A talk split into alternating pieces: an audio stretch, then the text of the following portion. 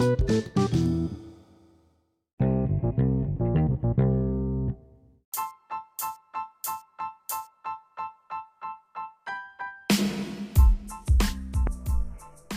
Barça.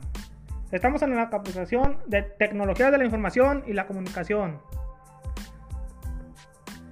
El Barca asume que para volver a ganar tiene que cuidar más que nunca a sus jugadores más jóvenes, tanto los creados en la masía como los fichajes.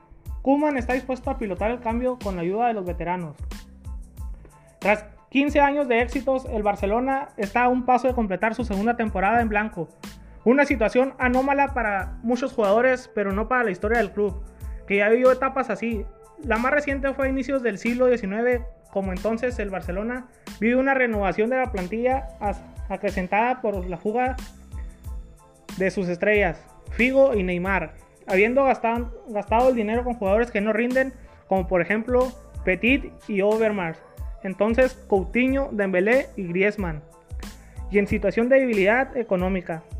En esa época de adversidad, el Barca supo asentar las bases de un futuro éxito, durante unos años, la apuesta por la cantera fue decidida con un técnico holandés, Van Gaal, a quien no le temblaba la mano si tenía que sentar a un veterano para, poder, para poner a un joven.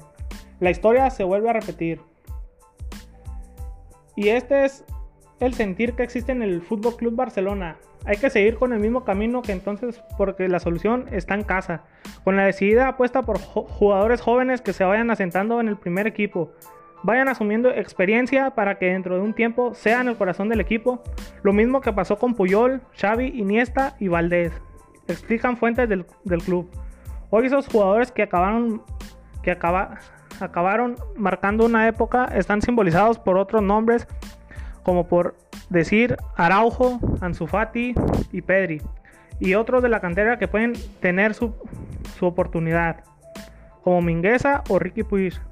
Kuman está decidido a asumir la misma política de Bangal, la que aprendió en su etapa en el Ajax. El técnico azulgrana, tal y como aseguró en la rueda de prensa, está convencido de que el proyecto está a mitad de camino, que hay luz al final del túnel y está decidido a seguir dando minutos a los jóvenes en los partidos que le quedan hasta el final de temporada. Esta es la apuesta, consciente de que será complicado conquistar algún título, pero hay algo tanto más importante en juego, la construcción de un nuevo Barcelona.